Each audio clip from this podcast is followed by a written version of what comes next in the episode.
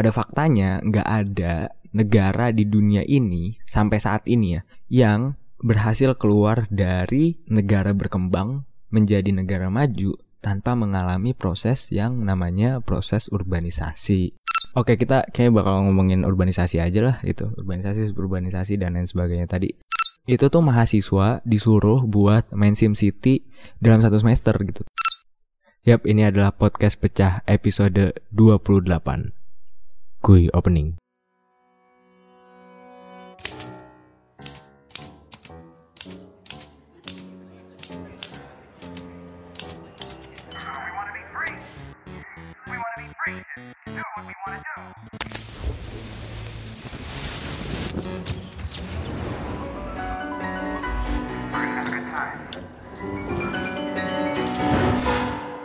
You're listening to Podcast Pecah.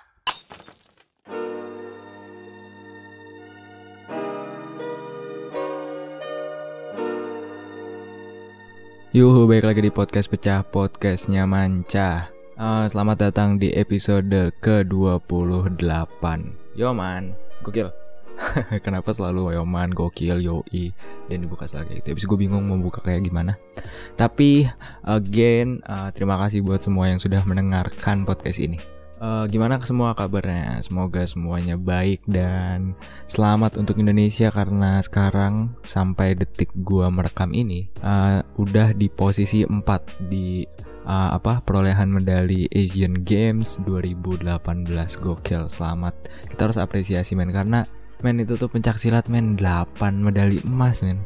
Dari satu cabur 8 medali emas itu 8 atau berapa sih? Ya pokoknya baik banget lah dari pencak silat tuh gokil banget lah pokoknya salut gue salut terbaik. Ah, selamat buat semua atlet yang menang. Uh, yang belum menang ya udah usaha lagi kapan-kapan siapa tahu menang ya nggak? Sans. Uh, jadi uh, kebetulan uh, ada yang email lagi. Sebenarnya yang email ini adalah uh, orang yang minggu lalu bahasannya udah gue bahas terus gue balas emailnya dan ternyata dia balas lagi gitu. Jadi ya gokil nih namanya si Ariel yang waktu minggu lalu nanyain tentang apa Mandela Effect gitu lah. Tapi gue gak bisa jawab tapi ternyata dia masih balas. Gokil thank you banget Rel. Sumpah lu tiap minggu ya Rel kayak gini. Yang lain juga gak apa-apa lah gitu. Kalau mau email tiap minggu wah gokil. Makasih banget cuy. Makasih the best pokoknya. Uh, sebelum gue ngebahas apa yang ditanyakan oleh si Arel ini uh, gue mau buka email lagi aja deh karena udah berapa hari ya gue nggak buka ya? Kayak empat atau tiga hari gitu lah. Uh, oke okay, gue buka bentar ya. Uh, ah ini nih kebetulan nih ada satu email baru lagi. Nggak baru sih dari tanggal berapa nih? 26 26 Agustus. Dari anjing namanya Buyung Upik loh. Eh kayaknya pasti bohongan lah ya masa namanya Buyung Upik. Yang nggak tau lah siapa pun lo yang emailnya Buyung Upik namanya uh, sefruit pertanyaan. Wah. Sefruit pertanyaan. Oke okay, baiklah. Malam bang. Uh, maaf ganggu nih gue mau nanya tapi kayaknya gak terlalu penting buat lu. Tapi ini penting banget buat gue oke. Okay. hmm, tapi sebelumnya kebanyakan tapi lu. Kalau gak salah kalau gak salah lu jurusan PWK atau tata kota di UGM kan? Soalnya pertanyaan gue berhubungan sama itu jadi gini bang, gue kan sekarang lagi demen banget main Sim City di Android. Itu tuh gamenya tata kota gitu kan, bang rumah, perkotaan, pabrik, taman, rumah sakit gitu-gitu deh. Tapi sekarang gue lagi bingung gimana caranya nata kota yang ideal. Soalnya gue cuma tahu kalau rumah penduduk itu harusnya di pinggiran kota, terus yang di tengah itu pusat perkantoran gitu-gitu. Nah, gue mau minta saran bang ke lu. Tata kota yang ideal itu gimana sih bang? Penempatan gedung-gedung itu harusnya gimana? Buat Sim City gue nih soalnya. Hahaha, makasih bang. Semoga lu berkenan buat balas email gue. Ah, itu nggak dibacain dong. Aduh, sorry coy. Ya udahlah, ya udah gue bacain gitu. Gue jawab aja lah di sini. Uh, ini Buyung Opik ya. Sefluid pertanyaan, thank you banget udah email. Gimana tata cara ada tata kota yang ideal itu gimana? Uh, anjir. gue udah kayak konsultan SimCity gini tapi ya udahlah ya. Uh, BTW ngomongin SimCity cupu banget gitu lu ngapain sih? Nih Buyung Upik main Buyung alah main Buyung Upik main Sim City main tuh City Skyline gitu. Sim City mah ya elah. Noob itu aduh. Kacau lu kacau lu. Bisa besok nanya lagi ke gua nggak apa-apa ya, tapi mainnya City City Skyline ya. Jangan Sim City aduh cita oke okay, uh, sebenarnya ini udah udah udah cukup benar sih yang lu bilang kayak rumah penduduk pinggiran kota terus tengahnya pusat perkantoran gitu itu udah udah bener. Sebenarnya gue nggak bisa ngasih tahu sih kalau misalnya ini buat konteksnya di Sim City. Karena gue nggak tahu juga bentukan kota lu yang lu buat di Sim City itu kayak gimana. Jadi ya ya udah sih. Uh, tapi yang jelas nih kalau lu mau uh, lebih efektif lagi pusat kota itu lu lu padetin lagi cuy. Lu padetin terus lu padetin padetin padetin. Maksudnya lu tinggiin bangunannya kasih rumah uh, bukan rumah apartemen mix use kayak gitu gitu itu tuh di tengah-tengah kota juga nggak apa-apa. Sama kalau bikin pabrik make sure di dekat pabriknya tuh nggak jauh dari pabrik ada ada ada apa? Ada pusat perumahan juga gitu. Yang jelas itu membantu sih. Kalau uh, di kampus gua gua nggak tahu sih sampai sekarang masih ada apa nggak ya? Pokoknya di kampus gua di perencanaan wilayah dan kota Universitas Gajah Mada ini to be clear ya maksudnya biar detail maksudnya biar lo nggak gimana gimana nih orang jurusan mana gitu kan. Uh, di kampus gue itu dulu itu ada matkul matkul apa ya namanya ya?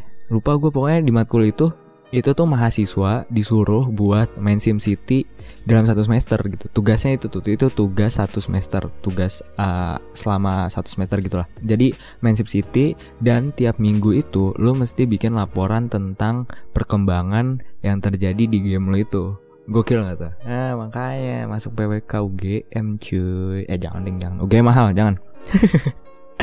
Aduh apa sih? Uh, Pokoknya gitu lah uh, Ya kayak tadi aja gitu cuy. Uh, Kalau mau ideal ya harusnya di pusat kota tuh nggak cuman Emang sih pusat kota harusnya uh, perkantoran dan bla bla bla. Tapi lo harus make sure orang-orang uh, juga bisa tinggal di deket-deket pusat perkantoran itu. Karena kalau makin jauh dari pusat perkantorannya Dia tinggal malah makin panjang perjalanannya Gak efektif. Butuh transportasi semakin banyak yang harus lo sediain kayak gitu.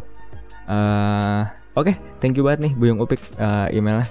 Uh, semoga uh, menjawab ya. Again saran gue tinggalkan SimCity cuy. Mainnya City Skyline aja. Gue nggak tahu City Skyline ada di Android gak sih?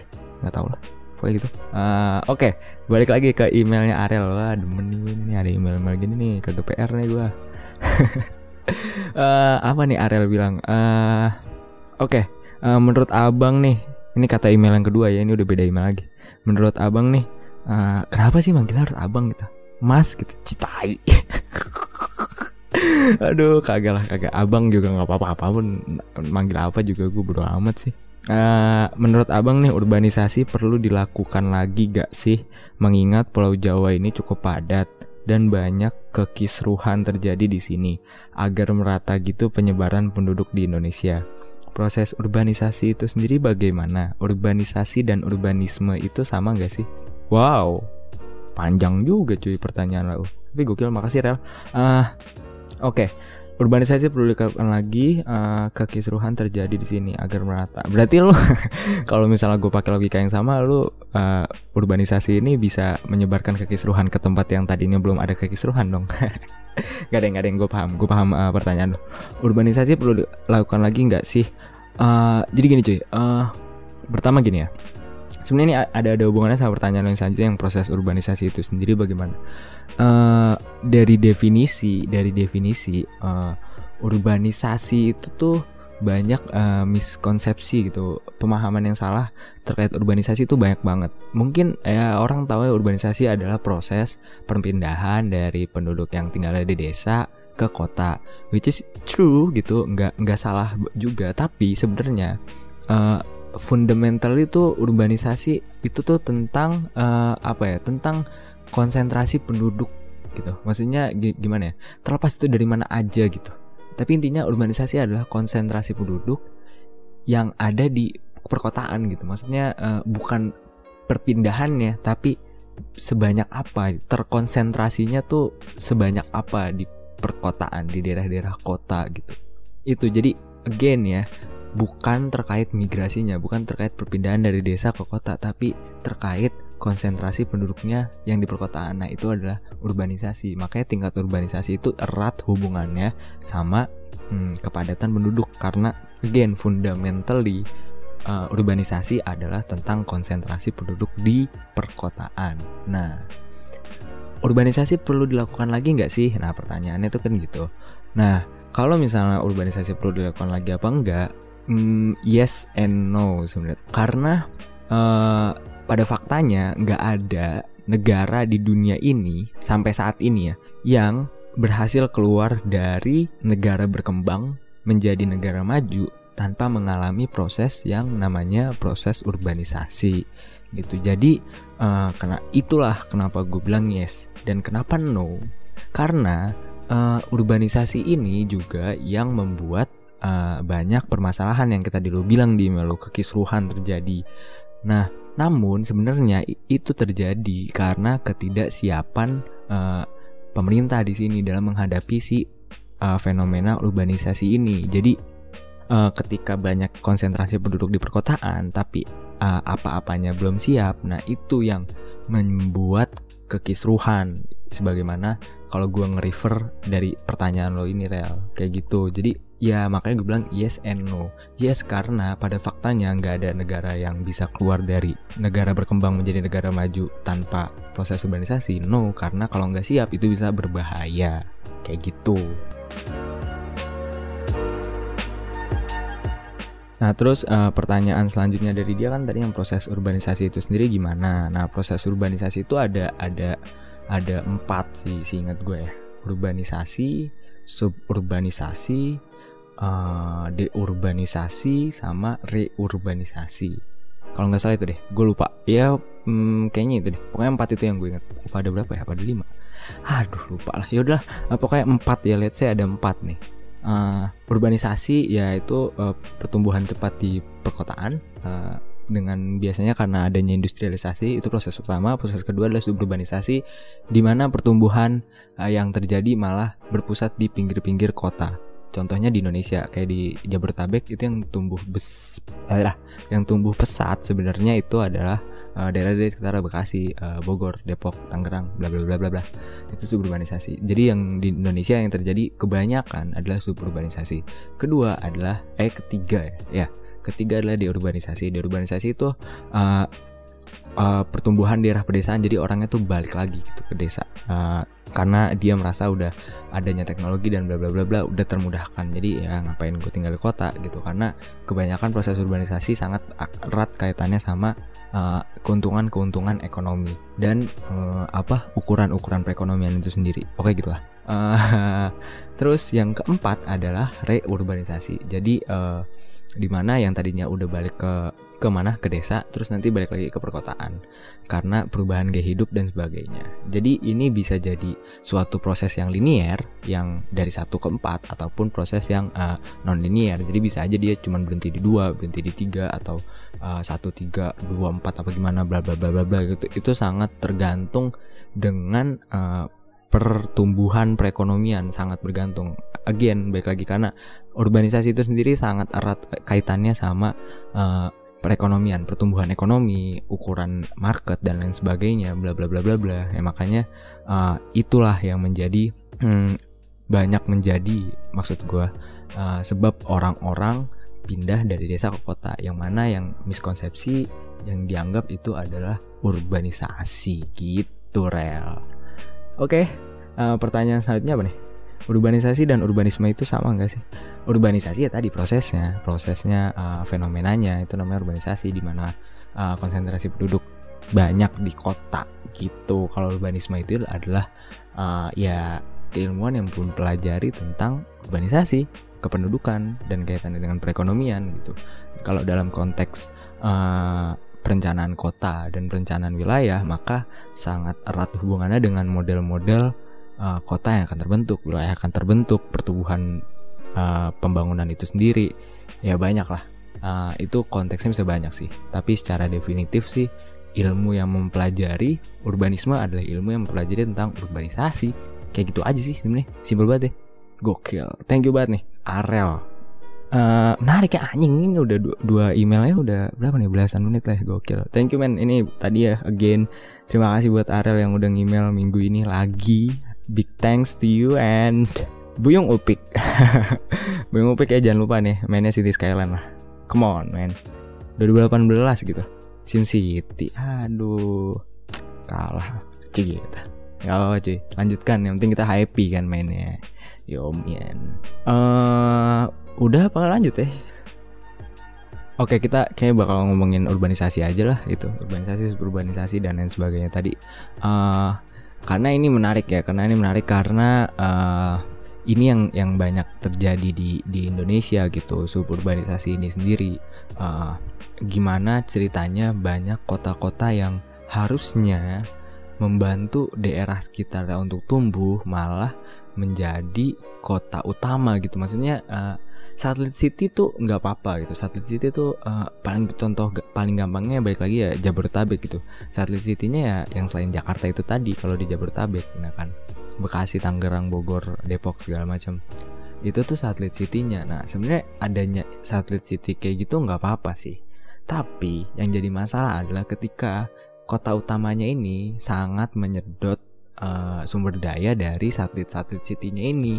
Harusnya si kota utama itu membagi uh, power-power yang dia punya sehingga satelit city-nya ini bisa independen gitu.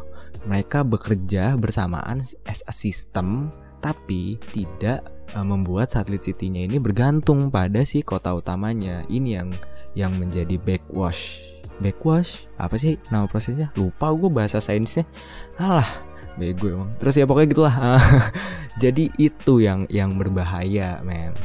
Makanya hmm, awalnya kalau ditilik dari sejarah uh, ini tuh uh, inisiasi waktu zamannya gubernur siapa ya di Jakarta tuh? Ya pokoknya uh, Ali Sadikin Bang Ali kayaknya. Bang Ali kalau nggak salah. Pokoknya yang jelas dia tuh emang udah punya uh, semacam blueprint bahwa oke okay, kita harusnya bikin Jabodetabek nih. Tapi waktu itu pada perkembangan ilmu perkotaan itu tuh uh, masa di mana uh, Indonesia sangat mengacu pada ke Amerika Amerikaan. Nah ini juga sebenarnya ada yang menananya nih di podcast gue. Si siapa lupa gue pokoknya di komen dia pernah ngomen di SoundCloud gue pokoknya kayak apa sih efeknya kalau nggak salah apa gimana gitu. Efeknya tuh ini. Jadi uh, ketika Indonesia dalam konteks ini Jakarta memutuskan untuk kita bikin Jabodetabek untuk memperkuat uh, perkotaan Indonesia itu bagus. Tapi ketika menggunakan uh, Amerika dan ahli-ahli juga dari Amerika sebagai yang mengkonsepkan hasilnya tuh gini. Karena Amerika pun mengalami kesalahan. Lu jangan salah. Lu jangan salah bahwa Amerika tuh bener kotanya mereka tuh juga mengalami banyak uh, uh, apa ya kesalahan dalam tanda kutip ya dalam membangun perkotaannya dalam mendesain kotanya gitu. Ya salah satunya ini sehingga terjadi uh, suburbanisasi ini. Yang kita bilang orangnya udah banyak malah tinggalnya di pinggir kota tapi bergantungnya sama yang pusat kotanya gitu. Nah ini kesalahannya karena kita terlalu ke Amerika Amerikaan lah dalam merencanakan kota Jabodetabek ini perkotaan Jabodetabek ini harusnya uh, ada kontekstualisasi. Nah, itu yang yang gokil dari uh, urban planner urban plannernya Belanda. Karena mereka udah memahami mempelajari di Belanda tentang Indonesia. Dan ketika dia ke Indonesia jadi nggak dia nggak nggak begitu kaget dengan kondisi-kondisi yang ada. Makanya lebih works cenderung ya cenderung lebih works perencanaannya Belanda di Indonesia dibandingkan perencanaannya orang-orang Amerika di Indonesia kayak gitu itu men kesalahan kalau misalnya kita menilik dari sisi sejarahnya gitu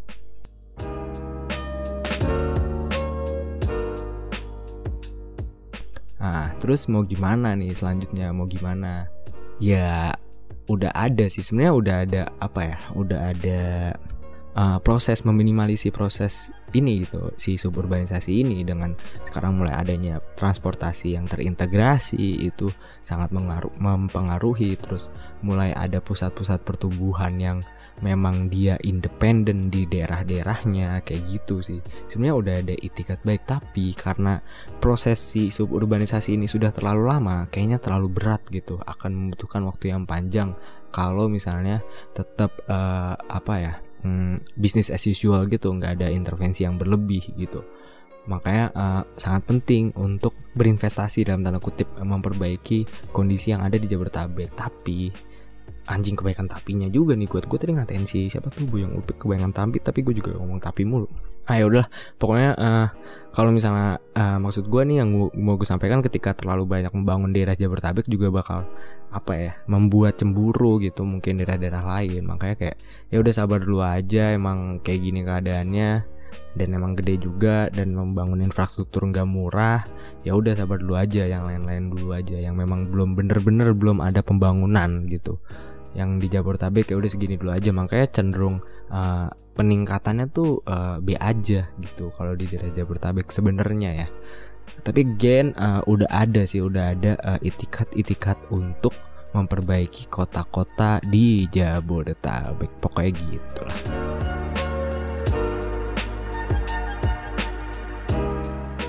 udah lah ya uh, kayak gitu aja udah ngomongin tentang urbanisasi uh, udah ngomongin tadi tentang SimCity.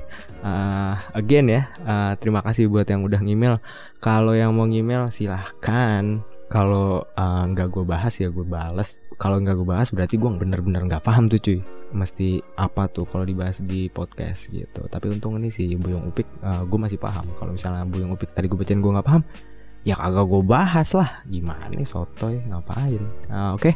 Uh, Kayak gitu aja terima kasih again terima kasih buat semua yang sudah mendengarkan uh, sampai ketemu minggu depan uh, semoga lo semua sehat selalu. Dan terakhir seru nggak seru pecahin aja. Deh